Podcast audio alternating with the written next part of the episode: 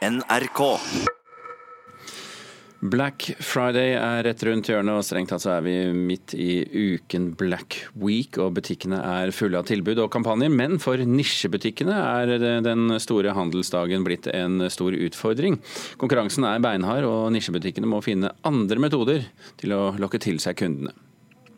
Ja, Det å være en nisjebutikk er jo til sin tid meget tøft. Og dette med at vi skal være med på den dansen at alt skal selges så billig, det dreper oss til slutt. Kjersti Lingestad er daglig leder for Husfliden i Skien. Hun er én av flere med en nisjebutikk som ruster seg for Black Friday. For i konkurranse med de store kleskjedene er det ikke like lett å kjøre på med skyhøye rabatter. I Skien står de lokale egendrevne butikkene for en stor del av bybildet. Nisjebutikkene er kjempeviktige. Det er, de som, eh, det er de som skaper det ekstra livet. Tore Hammersmark er leder for næringsforeningen i byen, og ser hvordan nisjebutikkene ikke strekker til i konkurransen med kleskjedene. Nisjebutikkene har jo ikke den, den cashflowen som eh, kjedebutikkene har. De har ikke råd til å kjøre de derne svære tilbudene. Som, eh, som kjedebutikkene har. På landsbasis ser heller ikke lommeboken like fyldig ut som før. For i klesbransjen er tallene på vei nedover. Klesbransjen i Norge har jo hatt en eh, svak utvikling de siste årene. Dette forteller Bror Stende i Virke, som deler bekymringene med nisjebutikkene. Veldig mange gjør aktiviteter den dagen. Black Friday har kommet for å, å, bli og er blitt en av de største handledagene i Norge. Og da er det vanskelig å ikke være med på noe, og i hvert fall ha noen tilbud for å lokke kundene til seg. Økonomikommentator i NRK Cecilie Langum Becker ser hvordan nisjebutikkene lever under harde kår. Man ser jo at de store kjedene de kjører jo så høye rabatter, så store rabatter, at de av og til til og med taper penger på de varene de, de selger. Det er jo umulig for eh, små nisjebutikker å konkurrere mot eh, det. Inne på Huslyden finner de andre metoder for å lokke til seg kundene på denne dagen. Nå står vi og ser på materiell som er veldig gode til å lappe klær. Stoppe gensere, lappe olabuksa.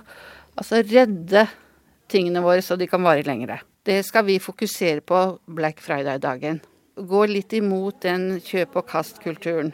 Lingestad i Husfliden håper folk vender blikket mot et mer bærekraftig samfunn. Vi drukner i dårlige varer som bare ødelegger miljøet vårt. Og så har vi så mye bra som egentlig burde komme fram. Det koster litt, men på sikt så er det god investering. Reporter her, det var Katrine Northug.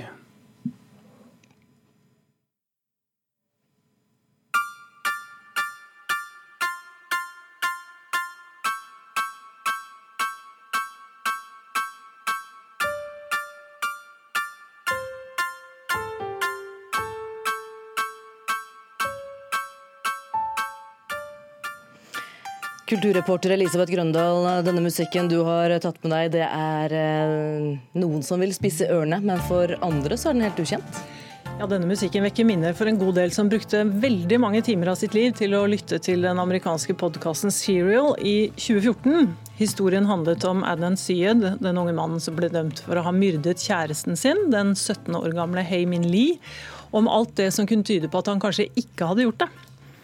Men det var eh, mange som eh, fulgte med på dette, var det ikke det? Det var det. De amerikanske produsentene sier at alle de 32 episodene hadde blitt lastet ned over 420 millioner ganger. Og i dag har Los Angeles Times nytt om den kriminalsaken som eh, serien handler om. Og det skal vi snakke om, men først så tenkte jeg på at denne serien skapte veldig stor interesse for en form for historiefortelling, som vi har sett veldig mye til etterpå. Kan du tenke deg hva jeg snakker om? Ja, jeg kan det. Det er vel den som kalles for true crime. Ja. Sann krim kaller de det på norsk. Historier om virkelige krimsaker. Vi fikk TV-serien 'Making of a Murderer' og 'The Jinx', og her hjemme f.eks. Orderud-saken. Og det som var så spennende da Serial kom, var jo at vi faktisk lurte på om de kom til å oppklare saken. Og så dette at de gikk så utrolig inn i detaljene og snudde og vendte på alle funn i saken, alle avhør og vitner. Seinere har vi jo lært oss at uh, sånne sann krimserier stort sett ikke oppklarer saker, de bare setter nytt lys på ting og viser alle de forskjellige momentene som gjerne peker i mange retninger. Men det ble jo ny etterforskning av drapssaken som Serial handlet om, og i går ble det kjent at Høyesterett i USA ikke vil kjøre en ny rettssak basert på informasjon fra serien. Forsvareren til Adnan Syed har ikke gitt seg og sier at det finnes andre juridiske alternativer å gå videre med. Men siden vi snakker om podkast, så tenkte jeg på en annen som er veldig aktuell i dag. La oss høre litt fra den.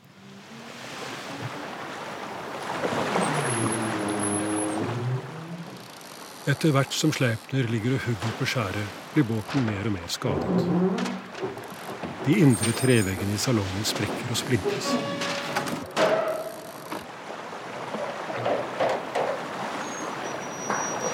Det vi hører her er podkasten som ble laget om den dramatiske Sleipner-ulykken som vi har hørt om i nyhetene i dag. Der en hurtigbåt gikk på grunn og 16 døde. I dag er det 20 år siden. Og Den podkasten ligger på nett på NRK Radio og beskriver veldig godt hvordan ulykken skjedde, og hvordan de som var om bord opplevde det hele. Og Den kan det jo passe godt å lytte til i dag. Takk skal du ha, kulturreporter eh, Elisabeth Grøndal. Så kan det passe godt å lytte til det vi skal snakke om nå. Vi skal snakke om kunst. Sverre Bjertnæs er Nerdrum-eleven som ble Bjarne Melgaards nære samarbeidspartner. En kunstner som har hatt eh, vind i seilene og mange prosjekter de siste årene. Og før helgen så åpnet utstillingen 'Hvilende hode' på Galleri Brandsrup, der Bjertnæs viser sine nye verk. Mona Palle Bjerke, kunstkritiker her i NRK, god morgen. God morgen. Skal vi ta litt først hvem Bjerke Bjertnæs er? Han er født i 1976 og begynte sin kunstutdannelse allerede som 13-åring hos Odd Nerdrum, eh, som du sa. Eh, men frigjorde seg fra denne noe dogmatiske skolen allerede som 18-åring. Og har liksom tatt med seg denne veldig eh, klassiske skoleringen inn som et veldig produktivt utgangspunkt for en veldig rik og mangfoldig eh, praksis. For da, det er vel syv-åtte år siden han startet dette samarbeidet med Bjarne Melgaard, som ble en veldig sånn eh, viktig egentlig sånn vendepunkt i hans kunstnerskap, som også var veldig sånn produktivt. Dette var jo et samarbeid med to veldig, veldig ulike kunstnere, hvor to helt forskjellige kunstneriske universer tørnet sammen. Men denne gangen er det altså bare Sverre Bjertnæs. Og hvilende hode, betyr det at vi får et maleri av et hvilende hode? Det betyr både det, holdt jeg på å si. Det, betyr, det er mange hvilende hoder i denne utstillingen. Det er et, en tittel som går igjen. Eh, men det er også hva skal jeg si, metaforisk, dette med det hvilende hodet. Det er jo både noe som kan henspille på utmattelse eller ømhet. Når du hviler hodet på skulderen, så kan det være både fordi du er trett eller fordi du vil søke nær nærhet. I disse bildene så er det noen steder rett og slett bare figurativt bilde av et hvilende hode, mens det er andre steder hvor du fornemmer eller hodet kommer sånn stigende ut av en abstrakt eh, komposisjon. Det er et veldig flott eh, bilde, en eh, abstrakt, sånn kubistisk komposisjon, hvor du jo lenger du ser på, jo tydeligere blir da konturene av et ansikt i profil. Og etter hvert så ser du også hodet, bakhodet og brystkassen. Så det er en sånn spill mellom det abstrakte og det figurative på en veldig fin måte. Og så har vi blitt vant til de siste årene at eh, tekst er en veldig viktig del av eh, kunstutstillinger, og her har han fått med seg eh, det vi i journalistikken kaller en ikke hvem som helst. Det kan du si. Det er Dag Solstad som selv som har skrevet disse katalogtekstene. Og Det har jo vært i senere år eh, ganske vanlig at man har fått forfattere istedenfor kunsthistorikere til å gjøre den jobben. Jeg syns det er veldig, veldig lurt. Det å få noen som faktisk eh, kan, kan skrive. skrive. Eh, og også en som ikke begynner med en fransk filosof og deretter spinner ut et fullstendig uforståelig argument som ingen forstår. Men her er det altså rett, rett på sak. Beskrive hva man ser på en veldig sånn sans passelig og fin eh, måte. Veldig enkel eh, måte. Og det tror jeg ofte er mye, mye bedre. Katalogteksten er jo en helt håpløs litterær sjanger sjanger, jeg, der jeg tror mye passerer som ikke ville passert noe annet sted. Men han beskriver altså bl.a. dette bildet her som heter uh, Hold opp, du, fordi studio. Uh, natt. Uh, og Der skriver han bare ganske enkelt den tomme gesten består av at mannen i dress slår ut med hendene. Gul dress, han står på noe gult, i bakgrunnen noe blått som store, gule flak flyter på. Så det er jo sånn, eh, De som savner en eller annen sånn slags at det blir satt sammen med noe teori og sånn, de vil jo kanskje ikke være så fornøyd.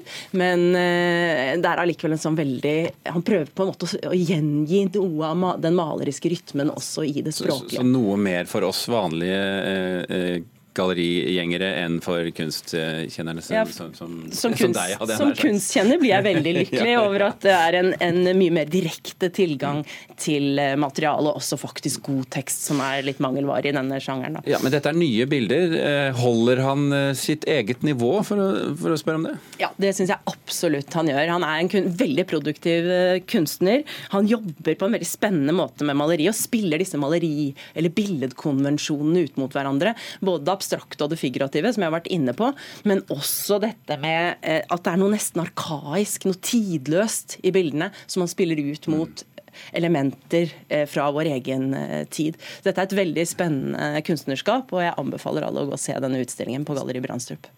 Så det henger litt, eh, litt Nerdrum igjen eh, i det tidløse, med andre ord. Absolutt. Ok, Sverre Koren Bjertnæs, altså, Galleri Brandsup på Tjuvholmen i Oslo, står frem til eh, nesten julaften. Mona Palle Bjerken, takk for at du var med.